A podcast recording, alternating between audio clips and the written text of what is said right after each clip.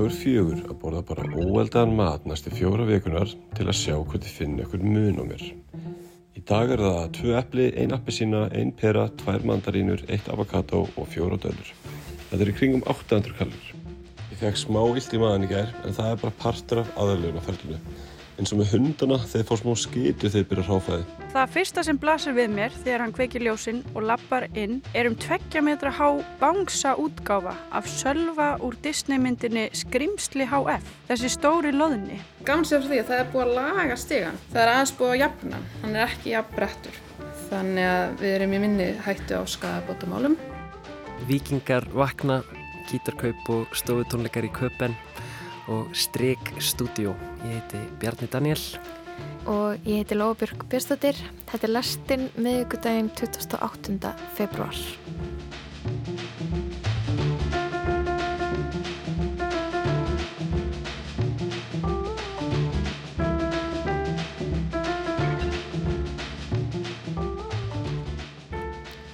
Já, við ætlum að byrja því að fara inn á Instagram í tölfunni fara sérn í síman og opna TikTok. Svo ætlum við að setja YouTube á í iPadinum og við ætlum að velta fyrir okkur lífstíl forfæður okkar. I have to do this every day to keep my mind good, get energy Valhalla Vision 103 to get more energy. Fire and ice is in, in my ancestry. In Iceland you have to be strong because we don't see the sun for very long Á Íslandi þarf þetta að vera sterkur því að hér er lítið sólarljós. Þetta er í ættinu minni, ég hef þetta frá forfæðurum mínum. Þetta segir enga þjálfarin Guðmundur Emil, kallaður Gemil. Hann er þjálfari og vakstarættakappi, hann er nöyt, sterkur og með ágæðlega mikið fylgi á samfélagsmiðlum. Hann stendur fyrir vitundavakningu, kvartningu, sem ber heitið Vikingar vakna og hann þjálfar bæði vikinga og valkyrjur í World Class. Hann er afar hvetjandi og peppandi á samfélagsmiðlum og það er hans hjartans mál að fólk fari í rættina og hlúa líkamleiri og andleiri hilsu. En hann talar sennilega mest til karlmana. Við gefum fjölmjölamannunum snorra másinni orðið. Hér er hann í hlaðvarstættinum ein pæling með þórarni hjartasinni það skiptir mála á sér sterkur. Það er ekki eitthvað aukaðatrið, það er ekki problematíst að vera sterkur.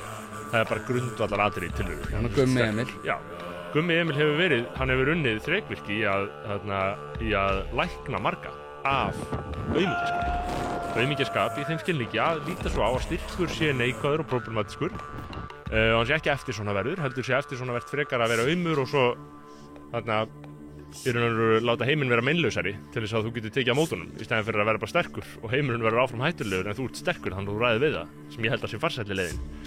Og mennur byrjar að bora kjöt, egg uh, það er engin vegan lengur. Það hefur orðin svona, það það, þetta er svona önsku heitir þetta vibe shift veist þetta hefur mjög svona výbran hefur breyst verulega sko.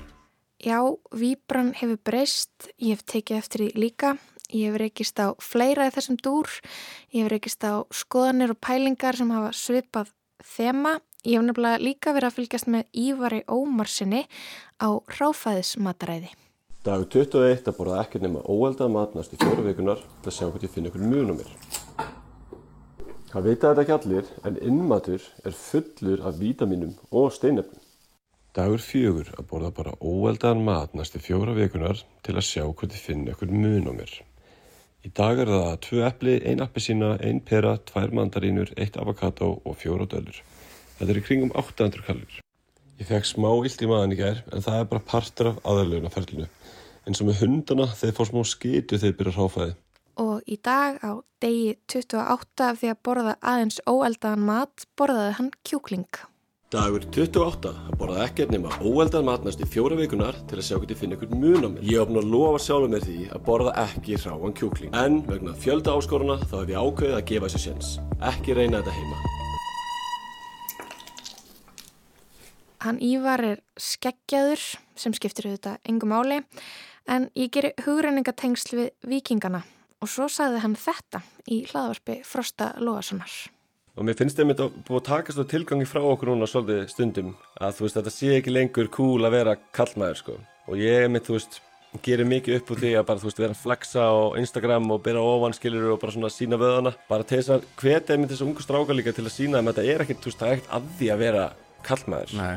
þú veist það sé náttúrulega breytti tímar í dag og það sé ekki einhver hættur að leynast úr hverju hodni í dag. Finnst mér samt sem áður að við karlmennir séum uh, vendari fjölskyld okkar samfélagið er svona ætlast til þess að sé einhver hættur úti Mhm. og það er svona ákveður að það ég hafa áhyggjur raunveruleikin er þannig að það eru hættur það eru barnaperrar, það eru nauðgarar það eru óþokkaran úti sem eru hættulegir Já, eru karlmenn, sterkir, verndarar, vikingar, eru þeir litnir hornauga í samfélagi dagsins í dag?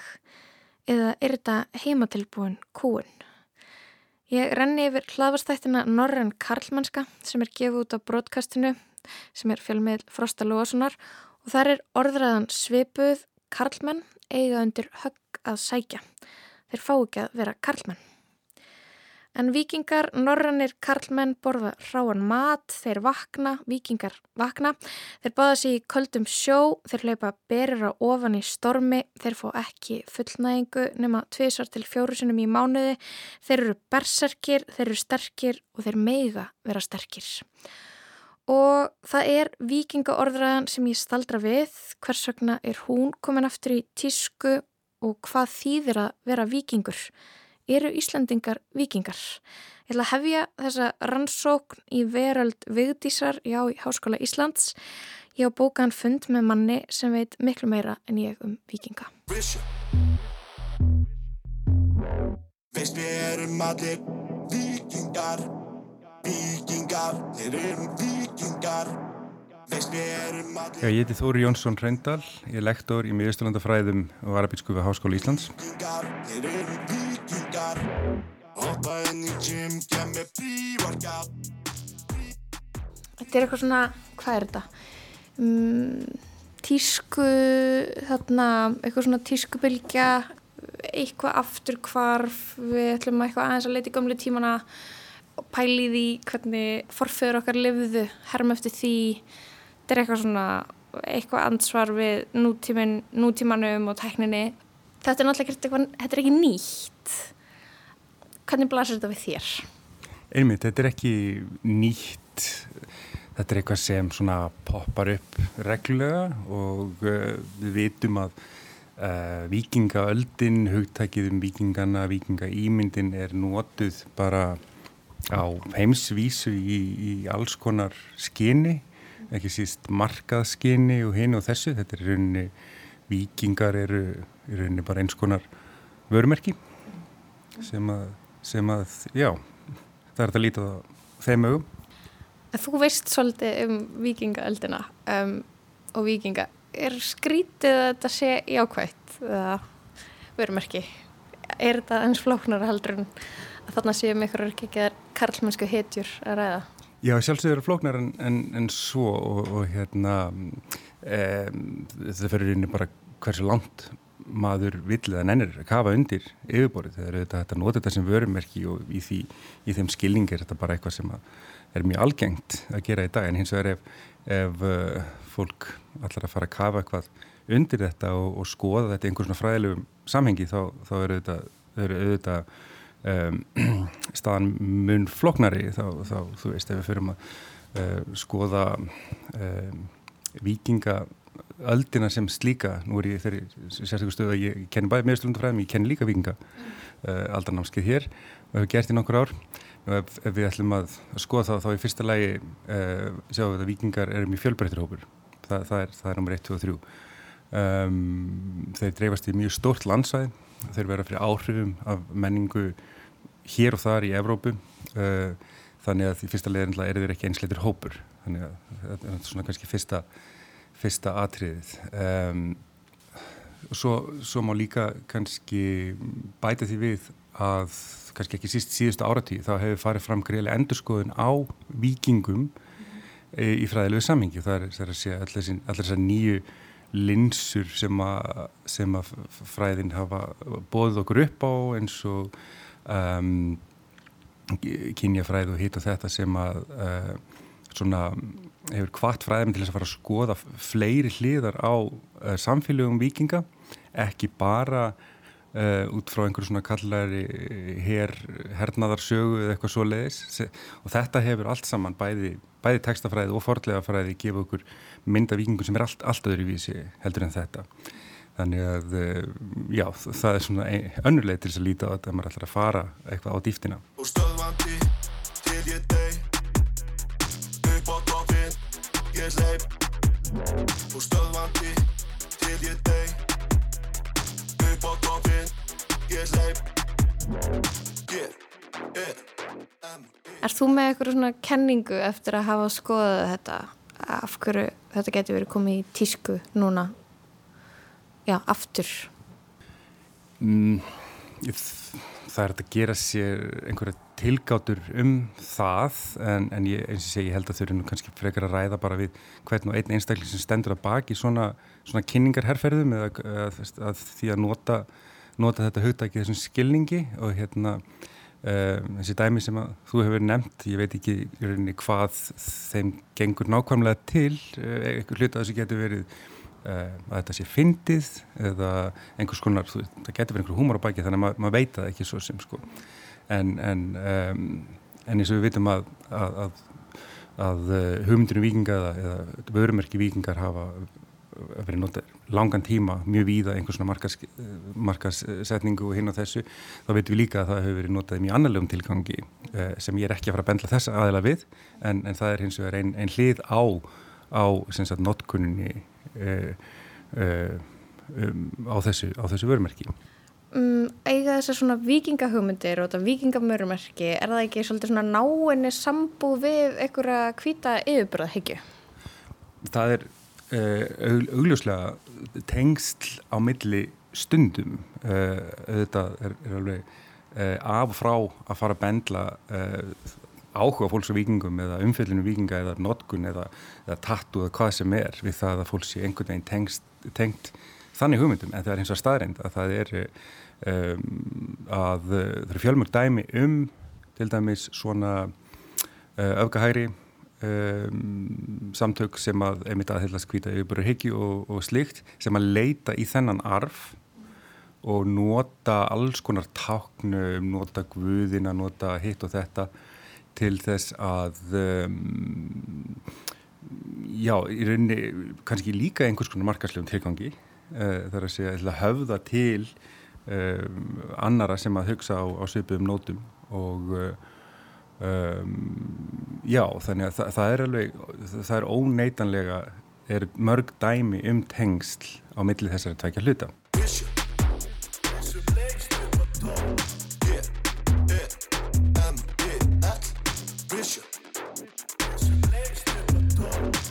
Landi til ég deg En eru Íslandingar vikingar?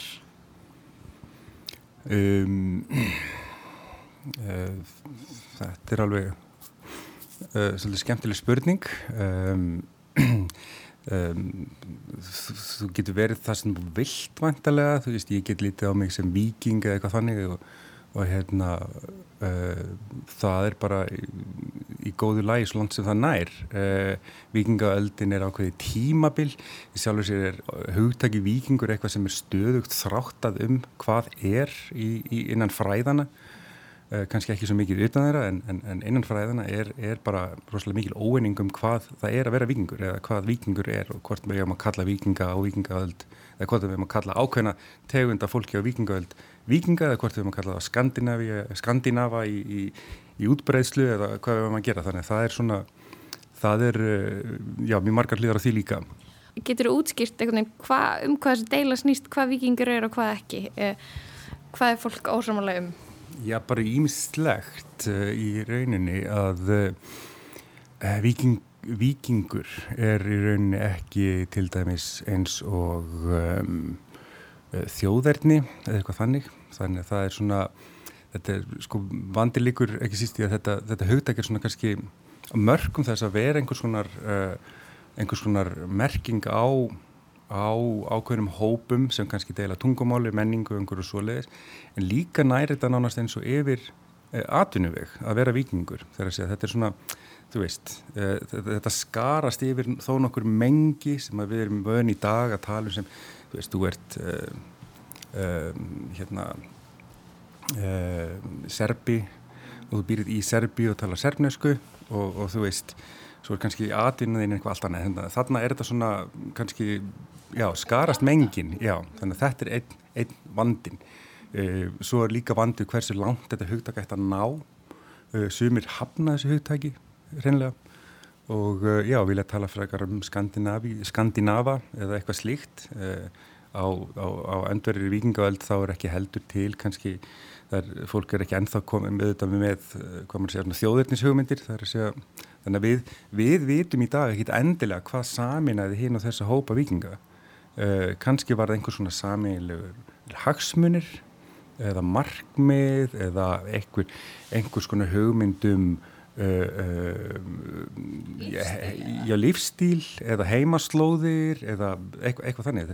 Það, og, og þannig kemur þá inn að, að heimildunar okkar er kannski ekki alveg nóg góðar það strandar ég oft á því upp á toppin, ég leip og stöðvandi til ég deg upp á toppin, ég leip veist við erum allir vikingar vikingar, við erum vikingar veist við erum allir Mætti ég spyrja þig þarna hvernig blasti þetta við þér svona þessi, uh, þessi myndbund sem ég var að senda þér þarna, hvað fórst þú að hugsa?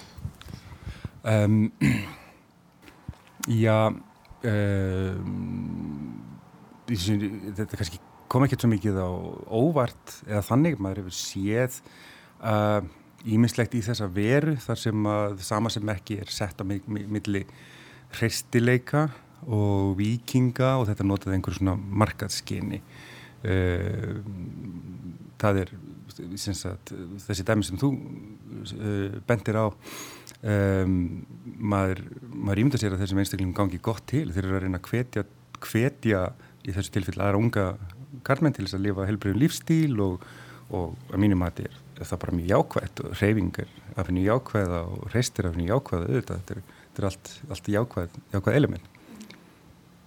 Þannig að þetta er raun bara eitthvað kannski bara eitthvað flott eða? Já, þa það er það er bara kannski háð smekk hvers og eins uh, um, og en, en ef við erum svona rína í eitthvað hvað líkur á baki eitthvað svo leiðist þá er rauninni kannski einstaklingarnir sjálfur sem standa, standa fyrir þessu sem kannski er betri, betur fallin til að svara því. Ég skil, ég þarf að taka viðtölu Guðmund Emil, Guðma Emil, Gemil næst, það er klálega uh, planið. Langa ekki kjöt í dag en ég sólkinn í ávextina Ég er búin að hugsa mikið um eldakjöt hins vegar en ég hef ekki sömur list á hráukjöti. Fyrir utan skituna þá finn ég ekki mun á mér ennþá en sjáum hvað gerist. En voru vikingar hraustir? Þá fyrir við aftur í, í þessa, þessa hérna, hvað maður segja, þreytandi fræðilegu nálgun á þessu sem að hérna, uh, um, gera okkur ómögulegt að, að fullir eitthvað um þetta. Þannig að það sem er hér, hér á ferðin er fyrst og fremst einhvers svona hugmynd um hinn hrausta viking sem var svona svona og, og, og, hérna, og það er ekkit endilega við skulum ekki til að ætla þeim að vera fullir um alla, alla vikinga en hins vegar er, eru aðra hliðar á vikingum og ekki bara vikingum heldur öðrum hópum á þessum tíma og öllum tímum sem er ekkit, er ekkit sérstaklega kræsilegar heldur þannig að ef þú ert að segja að þú sett vikingur eða ákomandi vikinga þá kannski er líka komið upp einhvers svona, svona siðferðisleg álitamálum hvort að það sé eitthvað sérstaklega eftirsögnavert eh, til dæmis eh, ef við horfum á ránsferðir, nöðganir, morð uh, og, og, og slíkt. Dagur nýju að borða ekkert nema óeldan mat næstu fjóra vikunar til að sjá hvort ég finna einhver mun á mér. Mér líður eins og fyrst núna sé ég algjörlega búin að vennjast mataræðinu. Mæin á mig var ekki alveg að samþekja þetta í byrjun en núna er allt komið aftur í eðlegar horfur og ég er jafnvel aðeins betri en ég var á henni byrjaði. Af framferði vikinga um alla Európu og, og þeirra blóðsúthellingar og og hérna uh, uh, strandhaug og, og, og þetta þannig að, því er einhvern veginn svona, svona á vissan hátt þægilega komið fyrir einhvern veginn stað meðan við rauninni bara uppið um þessa ákveðinu ímynd sko. uh, við getum ímyndað okkur eftir ég tek stundum svona dæmi sko um, um eins og um hópa, aðra hópa sem eru þekktir fyrir stundur svona grimlegt ofildi eins og ISIS eða eitthvað svo leiðis þú veist eftir einhver 500 árhald að, að hérna það væri einhvern eftir svona verðt að tella sér verið ákomandi í sig, ég meina þetta er svona uh, ég veit sem að ef að sumum stöðum á vikingöld ef að þú segist vera afkomandi, eða eftir vikingöld afkomandi vikinga og verður að, að, að hérna, spranga um það með Európa, það var kannski ekki sérstaklega svona uh, vinsælt Hoppa inn í gym, gef mig pre-workout Pre-pre-pre-workout Hoppa inn í gym, gef mig pre-workout Pre-pre-pre-workout Pre-workout Þannig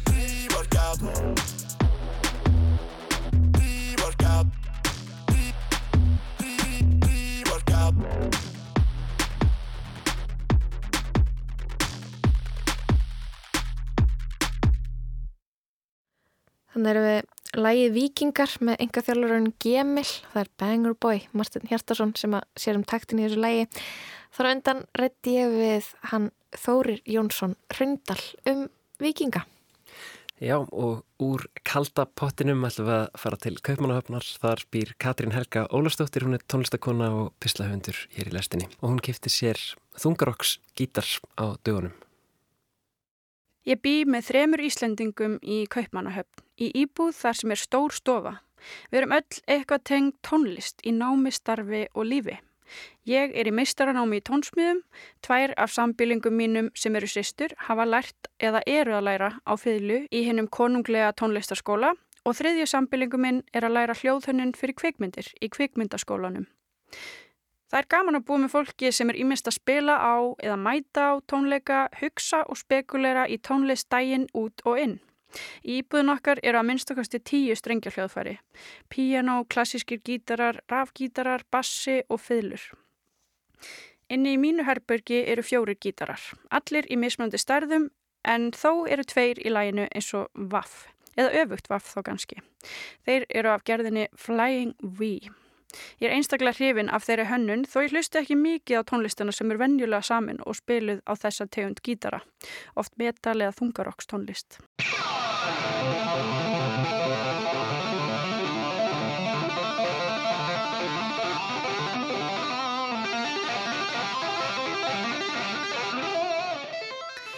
Ég er enn að finna minn stíl á hljóðfærið. Annar gítarin er svartur og hvítur með einskonar eldmunstri. Ég sá hann á sölu síðu sem heitir dba.dk og er líklega stækt að líka við danstbland.is. Þar getur hver sem er selt hvað sem er, svo lengi sem það séu ekki ólögulega efni, en þessi síða hefur nýst mjög vel í húsgagna og hljóðfæra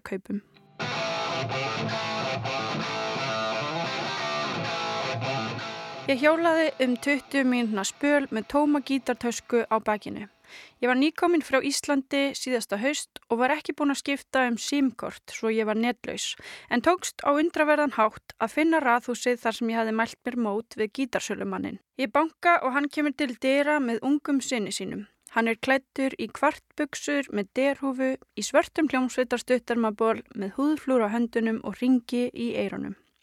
Hann segir mér að fylgja sér niður í kjallara. Þar gengur hann inn gang og opnar henn í herbyrki sem ég held fyrst að veri geimsla. En það fyrsta sem blasir við mér þegar hann kveikir ljósinn og lappar inn er um tveggja metra há bangsa útgáfa af sölva úr Disneymyndinni Skrimsli HF, þessi stóri loðni. Og það er ekki eina dótið sem ég sé þarna, heldur er ógrinni af legoköpum og dót sem ég veit ekki hvað heitir, litlir karakterar í allskynnslitum. Þetta verðist vera eins konar dótaherbergi, líklega allra barnana í blokkinni eða raðhúsinu. Herbergið er ílangt og þegar við göngum fram hjá öllu dótinu sem fyllir upp í aðra hlið herbergisins sé ég að hinum einn í herberginu er greinlega leikherbergið hans, gítar aðstæðan.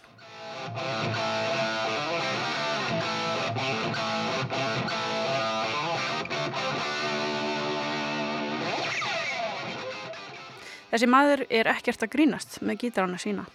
Hann er með að minnstakosti tíu gítara þarna. Flestir eru eitthvað þungarokkslegir. Hann segist verið að selja gítarin því hann eigi tvo Flying V gítara og noti hinn miklu meira. Hann er með þrjá stóra magnara og svo fimm mismunandi magnara hausa, snirtilega uppsetta í hyllum. Hann tengir þá og réttir mér gítarin sem ég vildi kaupa svo ég geti fengið að prófa hann áður en ég kaupa hann. Því næst sækir hann boks á starfið Gunnarsmæjanistótlu sem er stútfull af gítarnöglum í allskynnslitum. Ég vel mér eina og setja upp gítarin. Við vorum búin að semja um 400 danskar krónur gegnum DBA sem er um 8000 íslenskar krónur. Þegar þarna er komið sögu er ég orðin frekar stressuð. Ég vil auðvitað prófa gítarin en ég vil helst ekki koma upp um mig sem frekar óreindan gítarleikara og hugmynd um, um að hann sem út frá öllu sem ég hef séð er líklega mjög reyndur gítarleikari horfi á mig spila einfaldan getur á þennan fallega Flying V eh, frekar nýðurlegandi tilhugsun. 8.000 krónur fyrir Flying V eru þó gjöf en ekki gjald verði að segja. Svo þannig spila ég eitt góðan getur og læst svo vera yfir mig hrifin á gítarnum, sem ég er í rauninni. Svo hrifin að ég sé alveg sannfærd um að kaupa gítarinn og vil bara helst leggja inn á hann sem fyrst. Ég reyna að tróða gítarnum í gítartöskuna sem ég komið en vegna þess hvernig gítarinn er í læginu stingst einn hliðin á honum út úr töskunni og ég næ ekki að loka henni með rennilásnum. Æ, það verður bara að hafa það. En þá myndi ég eftir netleysinu. Ég byrð gítarsölumannin um að hotspota mig svo ég geti lagt inn á hann þessar 400 dönsku krónur sem ég hafi lofað hann og vona hann haldi ekki að ég sé að reyna að finna afsökun til að komast hjá því að borga. Hann segir mér leikilorðið, Slayer 666. Þannig egnaðist ég Flying V-gítar með svartkvítu eldmunstri og hér er einn góður getur.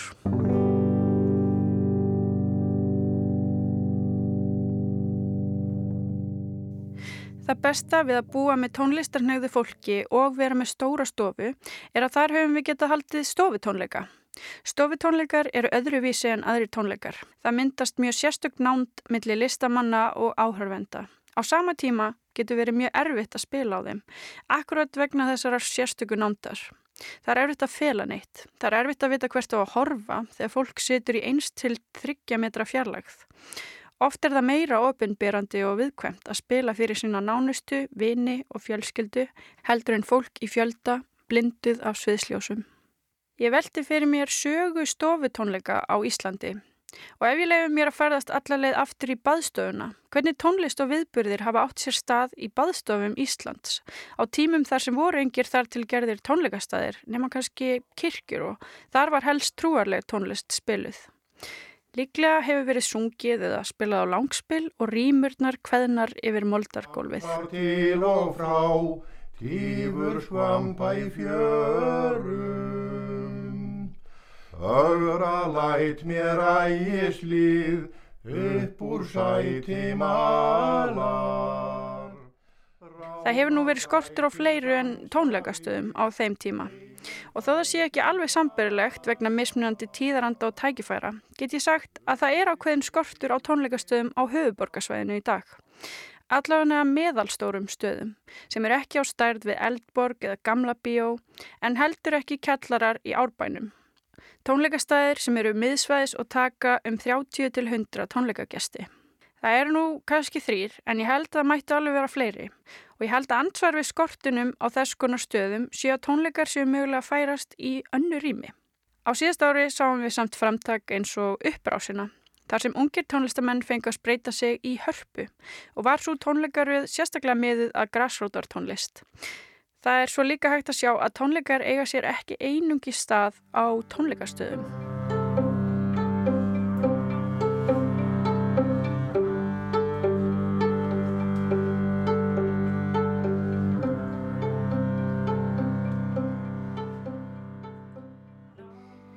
Hef ég bæði haldið og spilað á stofutónleikum og langar að nefna nokkur atriði sem þarf að hafa í huga þegar halda á stofutónleika.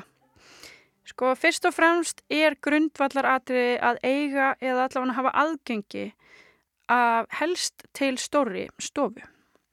Ganski þar sem þú býrð eða hjá foreldrum, ömmum og öfum eða vinnafólki. En þú verður allavega að vera búin að fá leifi.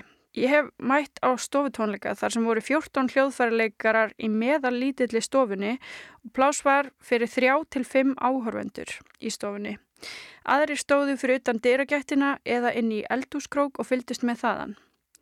Svo þó sé þægilega að hafa stóra stofu þá er það kannski engin afsökun að eiga litla stofu. Í öðru lægi sem tónleikahaldari í eigin rými þarf þú að huga að nágrönnum. Það er mikilvægt að láta þá vita áður en lengra er haldið og fá samþykki. Eins er sniðut að halda tónleikana ekki eftir síðsamlegan háttatíma eða í síðasta lægi til 11 um kvöld, eftir því hvað nágrannir eru þólimaðir. Svo er líka góð hugmynd að bjóða nágrannunum að kíkja við. Það er mikilvægt að halda þeim góðum því þau eru það fólk sem er líklegast til að geta lánað þeir stóla. Það er að minnstakasti þannig hjá okkur í kaupmanahöfn og svo eru fleiri hlutir sem þarf að hafa í huga þegar stofanmanns breytist í viðburðarými. Það þarf að gera viðburð eða plaggat og bjóða á tónleikana með ágættum fyrirvara, hvort sem þú býðir lokuðum hópa fólki eða hefur viðburðin opinn. Einni er mikilvægt að tala við listafólk með góðum fyrirvara og vita hvað græjur þau þurfa og hvernig er hægt að retta þeim. Fyrir tónleikadaginn þarf að finna út úr soundchecki eða hljóðpröfum og það er sniðut að gefa listafólkinu mat. Stólar eru eitthvað sem er sniðut að fá í láni eða hafa púð á golfinu svo áhörvendur geti setið þar. Það að halda stofutónleika er í rauninni sjálfbóðavinna, þar sem það er í rauninni ólulegt að selja inn á tónleika nefn að vera með tónleika leifi. En það má byggja um frjálsframlög. Oft getur hjálpað að hafa léttar veitingar til að íta undir að fólk vilja leggja lið fjáraslega. Oft getur líka verið gott að hafa kynni sem útskýrir hver er að spila og nefnir að það megi leggja á ákveðin reikning til að styrkja tónlistafólkið eða leifa listafólkinu að selja varning á borð við vínulplötur eða bóli. Það er að mörgu að huga en í grunninn er það sem þarf bara stofa, góður villi og smá das af góðafrásanum þetta rettast. Líkt og ég sagði hér áðan, er einhver falleg stemming og nánd sem myndast á stofutónleikum. Endum hér á broti frá stofutónleikum sem voru haldnir heima hjá mér í Kaupanahöfn á síðast ári.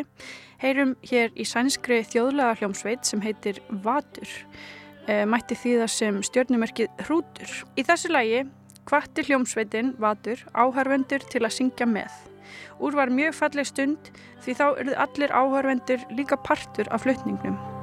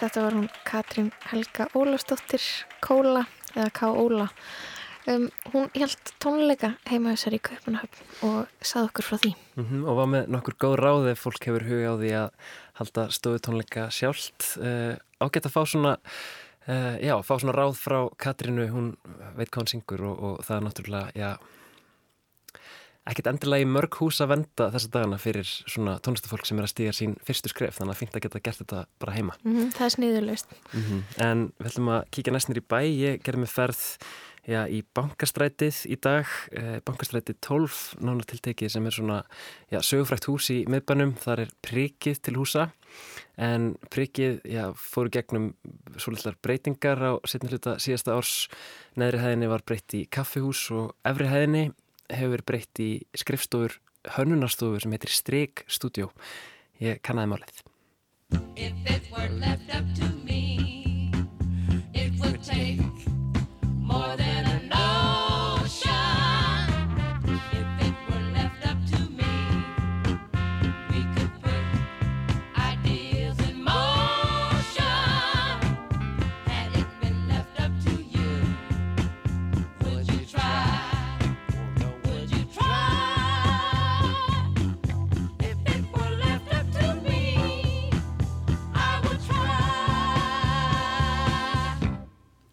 Því ég kom inn í bæ, státtur í bankastræti 12 á efri hæð, já, hús sem er kannski best hægt sem prikkið en, en hér er ekkert prikk, lengur heldur strik stúdíó. Uh, hæ, Hæ, viltu kannski kynna þig? já, ég heiti Auður Albersdóttir og ég er framkvæmtastjóri og ráðgjáð hérna á Strygg. Og, og þú? Ég heiti Viktor Æsabell og ég er hönnuður og artrektor hérna á Strygg. Ég heiti Snorri Eldjárn, ég er hönnuður.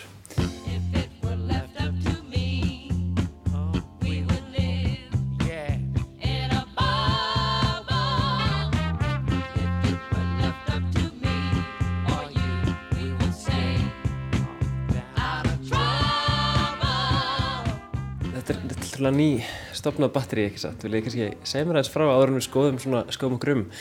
Segja mér frá hvernig þetta kemur til. Já, þetta er bara samtal sem hófst, hvað, sent í haust, svona oktober. Við einhvern veginn höfðum öll þekst aðeins, við Viktor unnum saman á stóð sem heitir Atom. Og svo höfðu þeir strákarnir, Snorri, Jakob og Viktor allir verið að vinna saman núna síðustu mánuði, í alls konar svona frílansverkefnum. Og já, það bara hófst eitthvað samtal og við varum öll með svona svipað, svipaðar hug, hugmyndir um framhaldið og hvernig stóðu vildum stopna. Og já, svo bara römbuðu þetta húsnæði. Þau voru akkurat að leita sem sagt eh, leyendum og við að leita að skrifstofu. Þannig að þetta var bara skrifað í stjórnundar. Það skrítið að lappa einnig, maður hefur eitt alls konar kvöldum hérna á þessari efri hæð svona gegnum tíðina. Eh, Það er mikil saga í þessu húsi. Hvernig er, hvernig er að koma inn í rými sem hefur þessa sögu sem ákveðin svona, ég veit ekki, ákveðin svona stólpi í, í næturlífinu í Reykjavík. Já, þetta er náttúrulega bara svona menningarlegt eh, fyrirbæri einhvern veginn prikið sko. Þannig að við vorum líka alveg með þetta um það að þetta þyrfti að vera skemmtilegt rými. Myndir ekki gera eitthvað að kalda skrifstofu þannig að við erum búin að leggja ykkur fram við það. Það sé svona smá prikið í þessu. Uh, og vonandi bara er það hefnast ágætlega hjá okkur. En alltaf að fyrst að koma hérna upp og, og ég held að allir sem koma hérna upp er alltaf fyrst mjög hissa sko. Það sé svona aðeins búið að breytast en við erum búin að venjast þessu. Við erum bara hérna Þetta er náttúrulega inn á hverjum degi og bara okkur líður mjög vel hérna. Þetta er náttúrulega hot líka, er alveg ótrúlegt sko að horfa hérna út. Bara, ég held að þetta sé bara besta hotn í Reykjavík sko.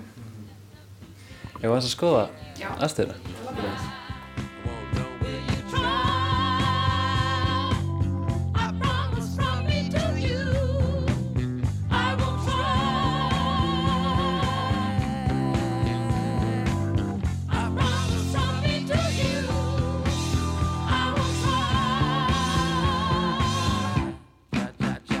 Try. Smá völundahús með þetta. Já, umveg.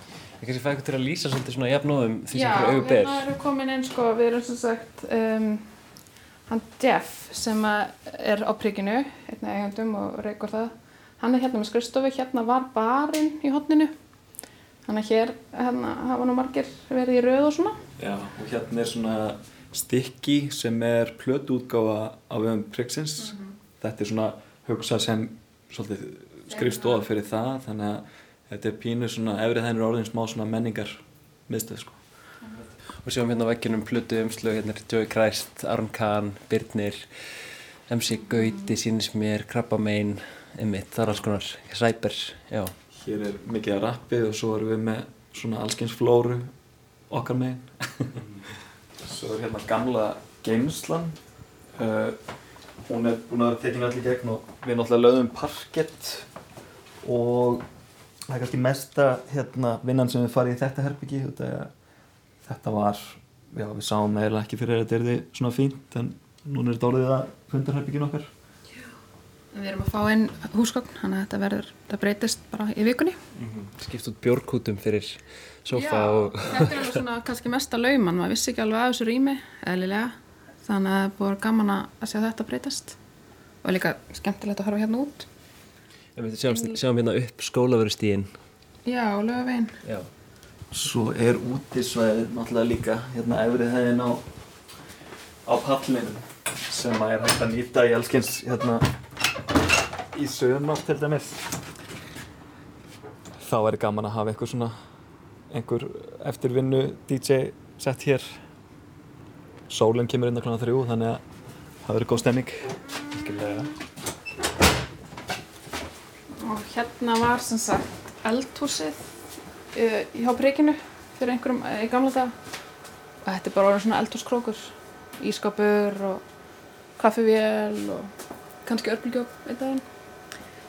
Svo ef við komum hérna út þá sjáum við það var náttúrulega þessi legendary closet. Já, akkurat. Og Og stígin frægi sem að Já. ófáir hafa Já, mistið sig í. Já, einmitt, sko, en það bara gaman sér frá því að það er búið að laga stigan þau bættu, það er aðeins búið að jafna hann, er ekki jafn brettur.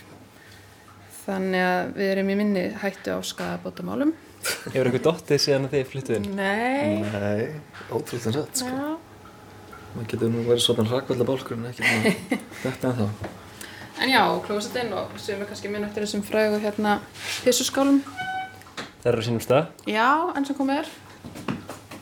Já, svo, þú veist, núna getur maður gengið hringin. Það var bara ein, hérna, eftir að maður opnaði eldhúsið þá er komin svona hringrás í þetta.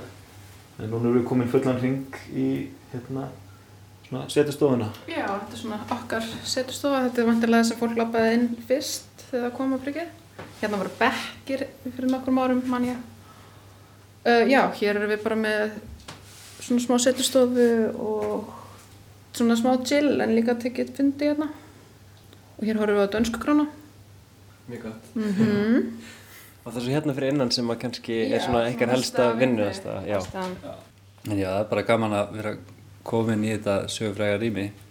Það er hérna sérstilega gaman þegar koma hérna rapparar og við stikir rekords og fá hérna stjörnur í augun og fara hérna að rifja upp gamla tíma hérna úr kannski glugga á hotninu þar sem ákveðin saga fór fram eða það er hérna mikil saga hérna. Já, eflust margir sem eiga einhverjar sögur hérna af, af þessari. Já. Spurning hvort við kannski fáum okkur sæti og höldum áfram að spilla.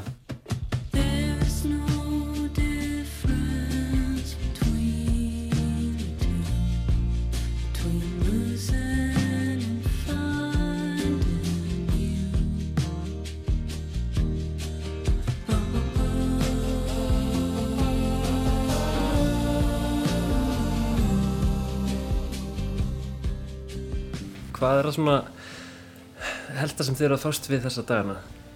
Um, við erum náttúrulega bara að koma þessu svolítið í gang og, og hérna stofan er svona, já, sérhæfið sér í svona öllu sjónrænu. Allt sem kemur uh, þar að sem getur verið pakningar eða mörkun eða, eða hvað sem er. Og hérna, Hreyfimyndagerð, teikningar, umsjón ljósmynda.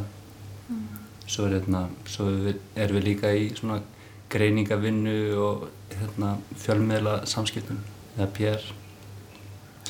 Þannig við hérna, hjálpum svolítið fyrirtækjum og verkefnum að verða sínileg. Og hvaða verkefni, hvaða já, kunnum eru þið að vinna með núna þessa stundina? Við hefum sagt frá allavega tveimur herflum sem við byrjum. Rottweiler hundarnir, mm. talað um rapp. Segja? Já, við erum að gera fyrir hérna 25 ára afmæli Rottweiler sem verður haldið núna í laugadagsöllinni. Um, það var svona fyrsta verkefnið svo Giggo sem er svona app fyrir hérna frílansera og þeir, þá sem að vantar hérna vinnu með stuttum fyrirvara og svo er svona við, erum, við erum að fá mikið af verkefnum inn og hérna lofa rosa góðu en það er spurning hvað, hvað má nefna sko. En það er allavega já, margt í, mörg játn í eldinum sko. Já, og það er líka bara rosa breytt hjá okkur þú veist, við erum með listamenn og við erum með stórfyrirtæki og við erum með þau ofinbæra einhverja leiti og þú veist, þannig að ég hef mjög gaman að því svona breyttin í verkefnunum, það er grásrótin og svo líka bara svona stórfyrirtæki. Hvernig talar þetta saman þessir svona ólíku kemur? Í grunninn þurfa þau öll bara það sama, þú veist, að tala við fólk almenning og bara nótendur og þannig að kannski svona það sem bindur það saman en svo skemmtilega er svo bara ólíkar þarfir og markkópar og, og skilabóðu Já, og við svona einmitt reynum að finna alltaf bara réttu hugmyndina og réttu lausnina fyrir hvern og eitt kuna og svo er náttúrulega rosa gott að við erum fjögur með hérna svona ólíka uh, sérþekkingu en svipaðan smekk og, og hérna og þá er einhvern veginn svona færri augu á þessu en með meiri aðtekli og hérna þannig við vinnum þetta já, allt svona jæ- jæmt og þétt saman. Já, mjög náið bara. Ég held að það er styrkur í að vera bara fjögur sko, eða svona í smæðinni um, svona styrkri bóðulegur líka. Þannig að við erum bara mjög ána með, með þetta sko. En það er svolítið gaman að einmitt að bara hvað dagarnir eru fjölbreytir. Maður er kannski hérna fyrir háti að hérna eiga fund með bankafólki og svo eftir háti þá er maður komin í hérna eh, á fund með röppurum og hérna eh, og það spila bara vel saman. Eða bara mest spennandi þannig.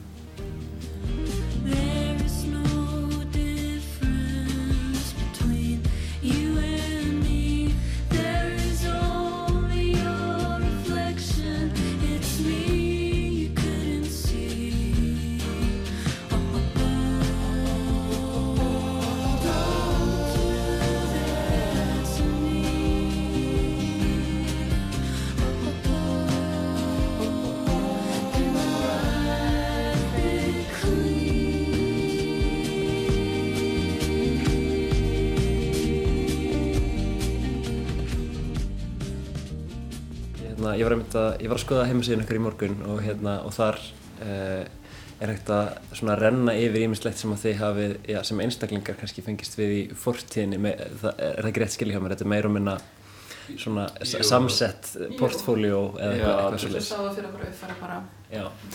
Um, það er greinilegt að, að þó að sé einhver þráður að þið, þið komið úr ólíkum áttum. Hvernig, svona, hvernig hefur það gengið að, að samina kraft ykkar, þú veist? Mér finnst hérna, mér finnst þetta mjög skemmtilegt svona að koma þessu öll undir einn hatt. Þú veist, ég hef mjög mikið verið að vinna fyrir menningatengt verkefni, mikið vinnu með listamönnum og hérna, en það hefur alltaf verið svona utan vinnu, svo hef ég verið í, að vinna fyrir stærri kuna og, og herrferðir einhvern veginn í vinnunni. En það er einmitt gaman að koma þessu öllu saman, þannig að við séum stofa sem að erum að gera hérna, stærri herrferðir og, og stærri enkenni en svo erum við líka með menningar hérna viðburði og, og, og listamenn. Svona við flóra. Já, þetta var kannski svolítið svona óljóst svona áður við fórum að stað með þetta hvernig þetta myndi passa saman. Og við vissum ekki eins og þegar við gerðum vefsíðuna þá, þá settum við saman svona verkefnur okkar. Fyrri verk sem frílansarar saman í eitt graut og það einhvern veginn kom bara svolítið svona skemmtileg heildar sín á þetta þegar verkefnur okkar saminust það var klálega svona rauður þráður í gegnum allt. Hver er þessi þráður?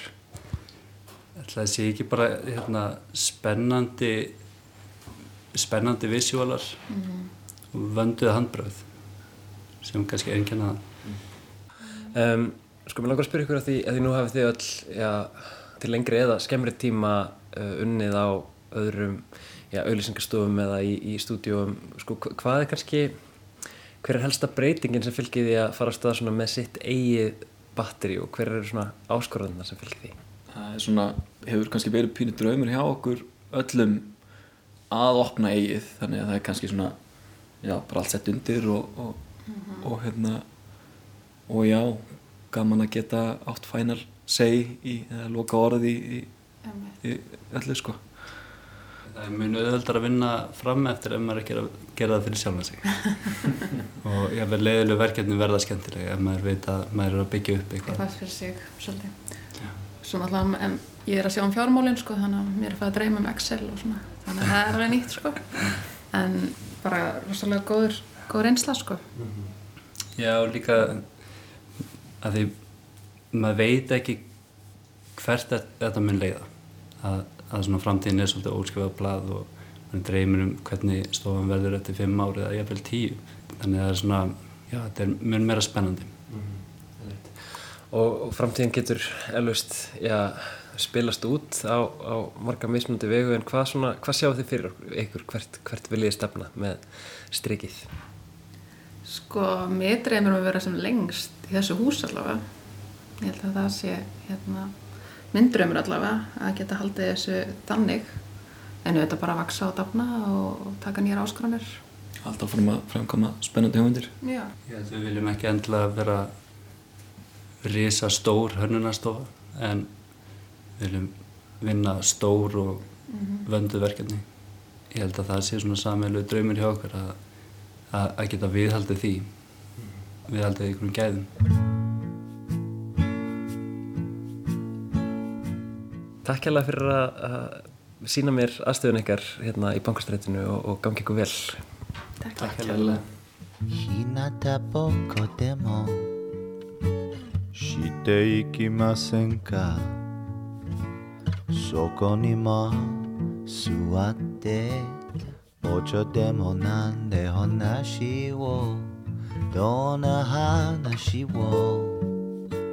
Shabelimashonkah 日の移る国の、うん、明日のことでも Auður Albertsdóttir, Snorri Eldjárn Snorrason og Viktor Weissapel síndu mér aðstöðuna sína uh, á efrihæð Prigsins, efrihæð bankastrætis 12 uh, þau eru með hönnunarstofuna Strik Studio sem er þar til húsa síðan á síðast ári. Ég meit maður hefur um, varið ófáum mínútum af lífi sinu þarna efrihæð Prigsins í klósettröðinni um, þarna örgulega kannski þeirra sapnast saman einhverjum vikum. Við erum komin að leiðalögum hérna í lastin í dag við Bjarni Daniel og Lóa Björk og tæknumæður var okkar frábæra Lítiða Gretastóttir. Og já, og við ætlum að ljúka þetta dagsins á þessum nótum með Magde Marko og eh, japansku góðsögninni Harumi Hosono með þetta lag Boku wa Choto. Walao tsumori desu Oma mama mala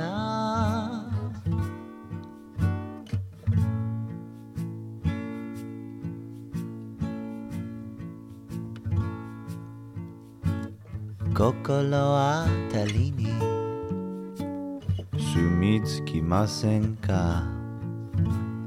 あそこを引き払って。生で気球からカントリーミュージック白い夕日でも。見つけましょうか？日の移る丘に、うん、彼女と二人で。外の日だまりから木に生まれ黙りこくるうちの中の午後。僕はちょっと黙るつもりです。ララララララ。